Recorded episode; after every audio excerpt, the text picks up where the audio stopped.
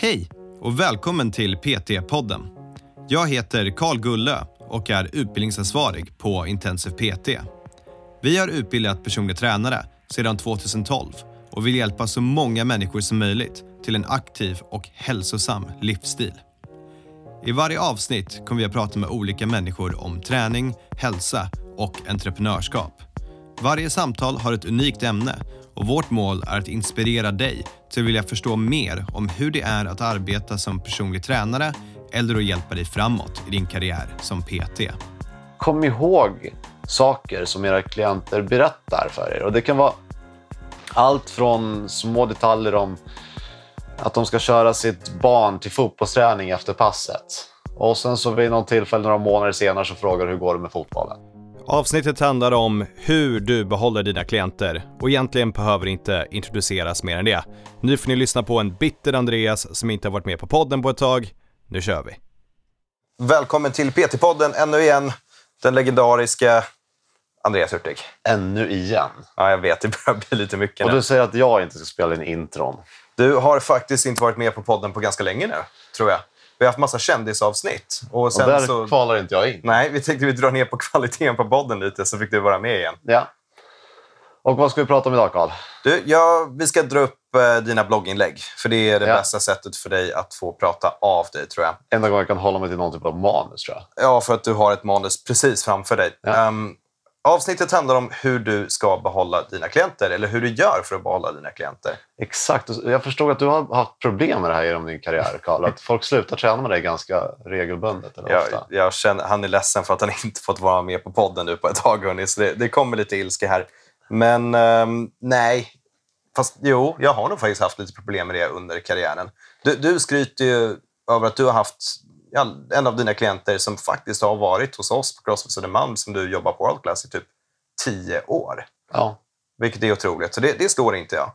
Så nej, men okej, varför är det viktigt att behålla klienterna? Varför att man behåller dem från början? Ja. Det är såklart för att eh, det är otroligt mycket mer tidseffektivt och billigt att behålla en befintlig klient än att skaffa en ny klient. Och det här är ju inte bara personlig träningsvärlden som det här är sant. Det gäller vilken verksamhet du än har. Det krävs ganska lite för att en klient eller en kund ska stanna hos dig. Man vet ju själv, man, är man nöjd med någonting så byter man inte. Nej. Man letar ju inte ens efter alternativ. Nej, så är det. Och det är ju jobbigt att hitta nya PT-kunder. Man lär känna dem och då vet man vad man ska prata om och så vidare. Ja. Så det finns en massa bra orsaker till att faktiskt behålla sina klienter. Men nu, nu pratar vi inte om de reser ifrån stan. Va? Nu, nu pratar vi om typ de tröttnar och tycker inte de får värde för pengarna. Ja, e- eller känner att nej men jag behöver inte personlig tränare längre. Då har du gjort någonting fel som PT. Om du, om du känner att ja, men, jag kan de här rörelserna, vi gör ungefär samma sak varje gång. Jag utvecklas inte varken fysiskt eller psykiskt på det här. Det finns ingen anledning för mig att, eh, att vara kvar hos den här PTn. Och då har vi gjort ett dåligt jobb. Men kommer det inte ett tillfälle någon gång när klienterna ska stå på sina egna två ben? Då? Här har du en liten fråga om hur, hur du vill jobba som personlig tränare. Alltså de kan ju det, de ska ju kunna det efter ett år bara. Men de ska ju inte vilja det. De ska ju tycka att det är så otroligt kul att komma till dig och de ska tycka att visst, jag klarar mig själv, men då kanske jag ger upp 50 procent av mina resultat och jag kanske ger upp att träning känns kul. Så det, då blir ju den ekonomiska avvägningsfråga för dem och där ska vi som PT alltid vinna. Att det, det är alltid värt pengarna. Det, det där är en viktig poäng tycker jag, för det är en stor skillnad mellan att klienterna inte kan sluta för att de inte kan vara själva för, Då är man ju dålig PT också. ja, och att de inte vill sluta. Ja. Så nu pratar vi om att få klienter att inte vilja sluta med personlig träning. Vi, vi rekommenderar alltså inte att du ska få dem att vara helt beroende av dig på alla sätt och vis. Nej, precis. Det. Och det här är ju det är en viktig punkt. att eh, Det ska inte vara så att du med flit låser in PTS för att de, eh, att de måste vara beroende av dig. PT-kunder. Precis. Och det här är ju samma sak som eh, anledningen till att en del som kommer till mig då, som PT är skeptiska till till exempel kiropraktorer eller naprapater. De går, och i första tillfället så tror de att ja, men det räcker att vi knäcker lite grann och sen är det bra. Men när de får, sen får höra att ja, vi behöver återbesök, du behöver komma fyra eller fem gånger till mig. Då tänker de direkt, den här personen vill bara få ut så mycket pengar som möjligt av mig. Och det är absolut motsatsen till vad vi vill vara som PT. Vi ska se dem att de ska vilja boka in fler tillfällen. Det ska inte vara vi som pushar dem dit. Hör ni på tonfallet hur irriterad han är det här avsnittet? Hörni? Det, Men det är väl ingen skillnad från något annat? du, du brukar vara lite gladare, men jag, jag tror att du är verkligen ledsen att du inte får vara med på podden på ett tag. Ja, men nu, du, vi sa att det här avsnittet skulle vara typ 20 minuter långt. Vi har pratat typ fem minuter och inte kommit till ens första punkten. Ska vi... Okej, hit me. Vad är första punkten? Hur ska Första jag behålla punkten. mina klienter? Ja. Eh, första punkten, vi har, jag har rangordnat de här inom typ hur enkelt det är. Och första punkten är kosttillskott. Och eh, jag säger inte att kosttillskott har någon fantastisk effekt eller att någon klient av våra faktiskt behöver kosttillskott det gör någon nytta för dem. Men det är en otroligt enkel sak att bjuda på. Det är precis det vi ska göra. Vi ska bjuda på kosttillskott. Vi säger att du har en klient som ska börja ta en proteinshake som mellanmål. Alternativet du har här, att antingen kan du berätta för dem att de ska köpa ett kosttillskott och eh, går du bara in på en kosttillskottsbutik och får handla av de här kroppsbyggarna och så finns det hundra olika saker att välja på.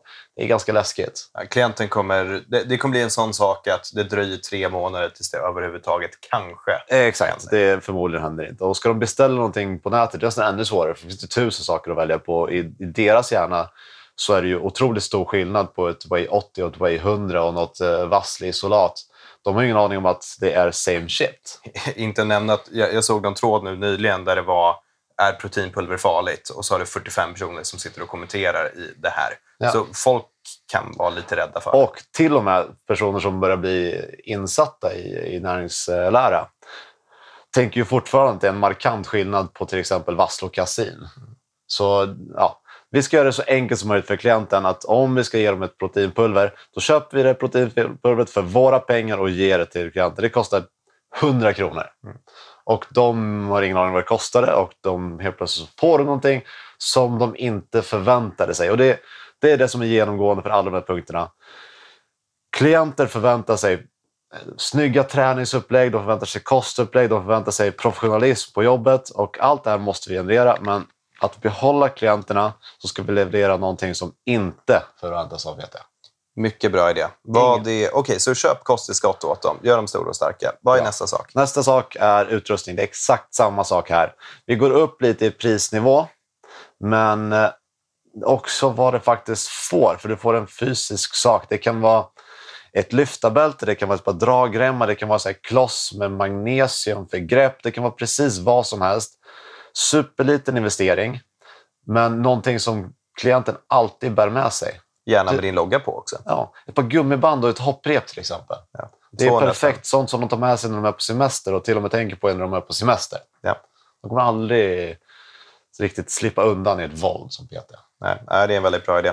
Är, det någon som håller på med funktionell, funktionell träning mycket, då såna här hand grips så att de inte sliter upp händerna. Själv tycker jag kanske det är lite mesigt att använda, men det är väldigt uppskattat av många klienter. Så det kan vara bra grejer att ge bort. Och billigt. Och billigt. Absolut. Du går på med rasande fart. Ja, jag känner att vi måste göra upp, eller ta tillbaka tid så vi förlorade på allt eh, bullshit i början. Eh, jag vill ta nästa punkt. Okej, varsågod. Matinventarie eller hembesök. Ja, det här är någonting du har pratat om och gjort med dina klienter länge. Va, vad är det för något? Man åker hem till klienten, man öppnar deras kylskåp, deras skafferi och deras frysbox. Och sen har du en stor sopsäck och så slänger du allt som de inte får äta. Och så tar du om, det här får du inte äta. Och så slänger du den. Fy, det här ska du inte äta. Slänger. Det här går helt motsats till ibland får man äta dåliga saker. Ja, men det, gå, och kolla hemma hos en klient, snittklientens, deras kylskåp, vad de har. Majoriteten är skräp och sånt som de skulle kunna få äta ibland, som någon typ av cheat meal eller dagar som inte är eh, kostprogrammerade. Men det ska inte vara basfödan, alltså grunden till deras kost. Och det är precis vad det är. Så istället för att tala om för dem, köp det här. Åk hem och faktiskt se till att de gör det. Men här kommer jag spela till djävulens advokat. Förut har du pratat om sak, att minimera saker man inte får betalt för. Och det här är definitionen av någonting som är extremt tidskrävande. Men det, det rör sig om kanske en eller två timmar som Ja. det här tar. per klient, jag har Och- 20 klienter, är en arbetsvecka. Absolut, men du kanske får behålla varje klient 20 veckor till eller 100 veckor till. För att har gjort de här små grejerna. Och jag kanske inte gör det alldeles för ofta. Det, nej, det, det här är ju en gång per klient. Det är ju bara för att visa att så här seriös är jag med, med din träning. Och sen efter det här, det, är inte slut här. Det blir ännu mer tidskrävande och ännu mer obetalt jobb. Eh, vi kan ta med dem till matbutiken och göra en butiksvandring med dem. Och med fördel kanske flera klienter samtidigt om det går. Ja, om man kan synka det. Och så visar man dem vad det är för skillnad på olika råvaror. Man talar om för dem vad de ska och inte ska köpa. Och sen så laddar man på kylskåpsskafferiet med bra saker som du vill att du ska äta. Får jag ta det här till uh, the 21st century? Online-shoppa, det är inte samma... Jo, jo. Du, sitter där och gör list- du sitter där på mathem.se tillsammans med klienten. Går igenom deras lista om vad de har tänkt sig köpa kanske. Tar bort hälften, byter ut det med bättre alternativ och skapar standardlistor för vad de ska beställa så att det är färdigt.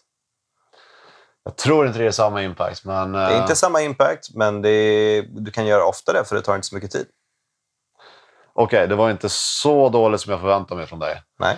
Men det var heller inte super. Vi tar punkt nummer fyra. Den här kräver ingenting alls i stort sett. Och det är att kom ihåg saker som era klienter berättar för er. Och det kan vara allt från små detaljer om att de ska köra sitt barn till fotbollsträning efter passet. Och sen så vid något tillfälle några månader senare så frågar du hur går det med fotbollen. Det kan vara något eh, i stil med ett eh, sms när de fyller år. Grattis på födelsedagen, du ska få en riktigt vidrig present av mig sen när vi ses nästa gång.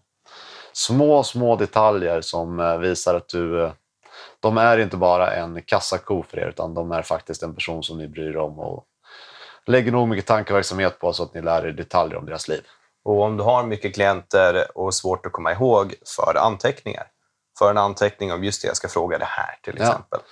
Och det räcker med två, tre saker per klient om man känner att det här är...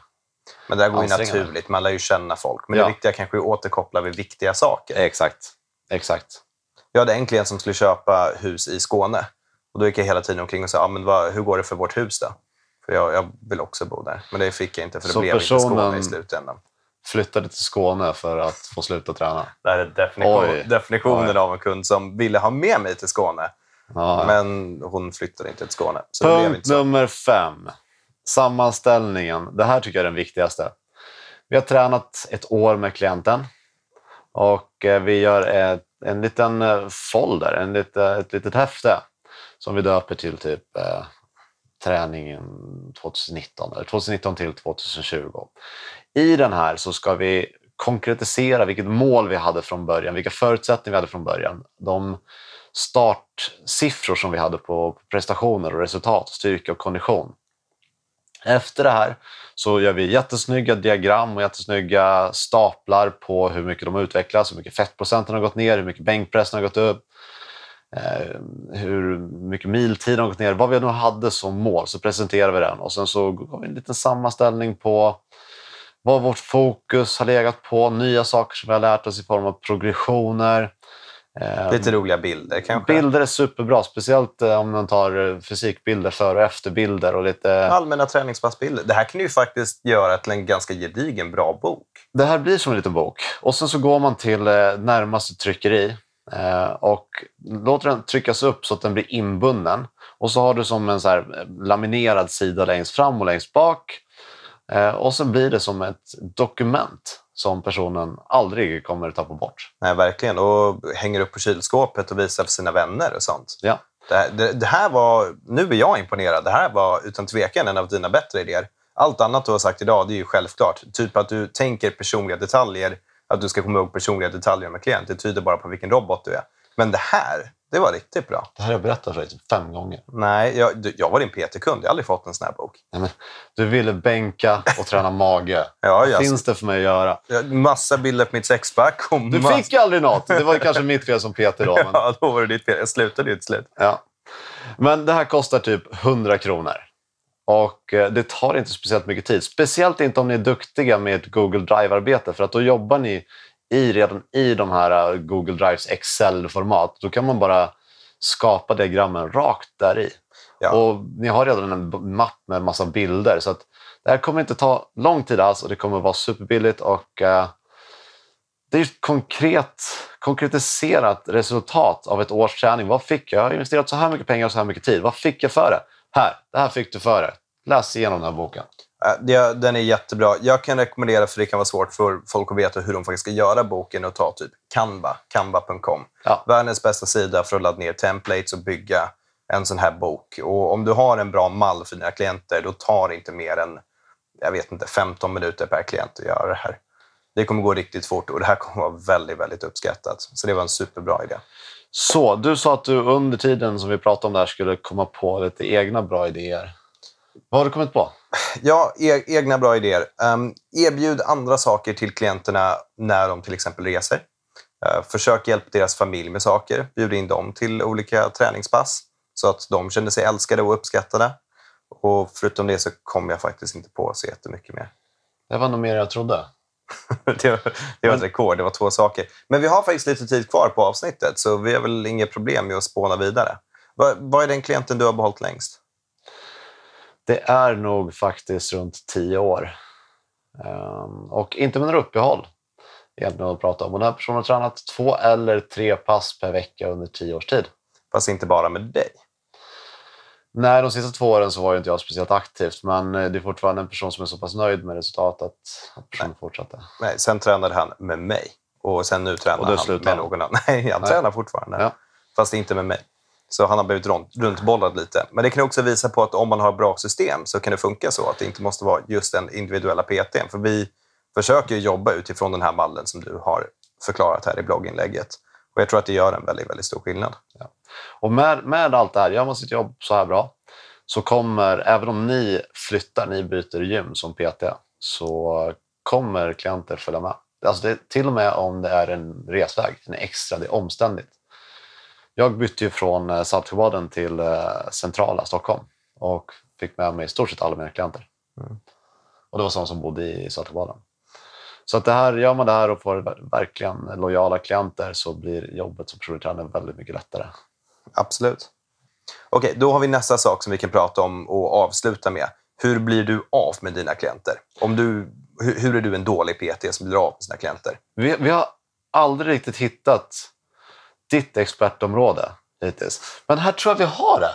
Hur gör du för att bli av med alla dina klienter? Det, jag kommer edita bort det här i avsnittet. Um, det finns ju självklara saker som kroppsspråk och inte visa intresse för sina klienter. Det, det kommer få dem att vilja åka väldigt fort. Men jag tror primära det jag ser det är att folk inte jobbar med målsättning tillräckligt konkret med sina klienter. Och då försvinner de väldigt fort. Och de känner att de får uppnå Men då är det inte medvetet? Det är inte du som vill bli av med klienten? Det är så nej, nej, men klienten jag, slutar? Okej, okay, vi tar om den här frågan utan att du är lika otrevlig. Ja. Um, inte hur du vill bli av med dina klienter, utan vilka fallgropar finns det för en PT att råka bli av med sina klienter? Ja. Inte om du vill bli av med dem, hur du sparkar dem. Det, det är ett annat ämne. Ja. Hur råkar du bli av med dina klienter? Okej. Okay. Okej? Okay? Ja.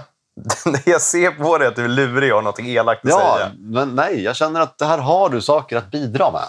Jag har, jag har helt ärligt inte någonting vettigare än typ eh, inte jobba med målsättning och um, Alltså jag vet massa. Du, alltså, är du lat och är försenad, du lovar träningsupplägg som du inte levererar. Den är bra. Okej. Okay.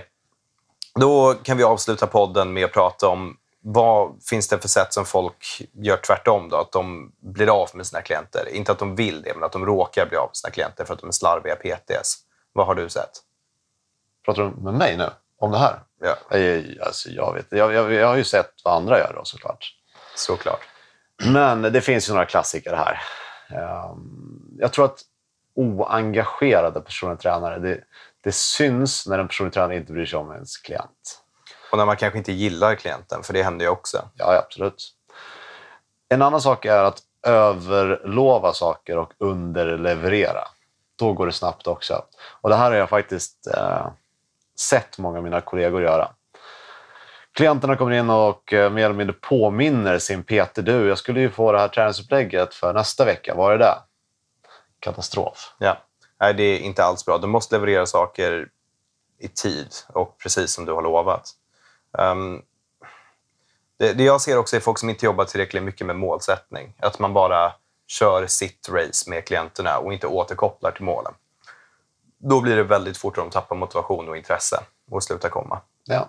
Det kan ju vara alltså, ren inkompetens också. Att du är inte, du är inte bra nog för att konstruera träningsupplägg och kostupplägg som eh, ett, klienten kan följa eller två, ger resultat som inte följer våra träningsprinciper eller en uträknad eh, kalorimängd. Ja, jag vet att det är ett väldigt vanligt problem för dig. Nu avslutar vi PT-podden för den här gången. Det skulle jag säga. Nej, nu har jag avslutat avsnittet. Jag fick sista dissen. Okej, okay, ha det bra.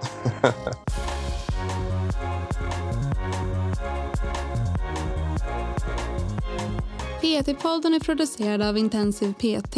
Om du vill veta mer om våra utbildningar och gå med i nätverket av framtidens personliga tränare, gå in på www.intensivpt.se. Vi har kursstarter varje månad och du kan studera helt i ditt egna tempo.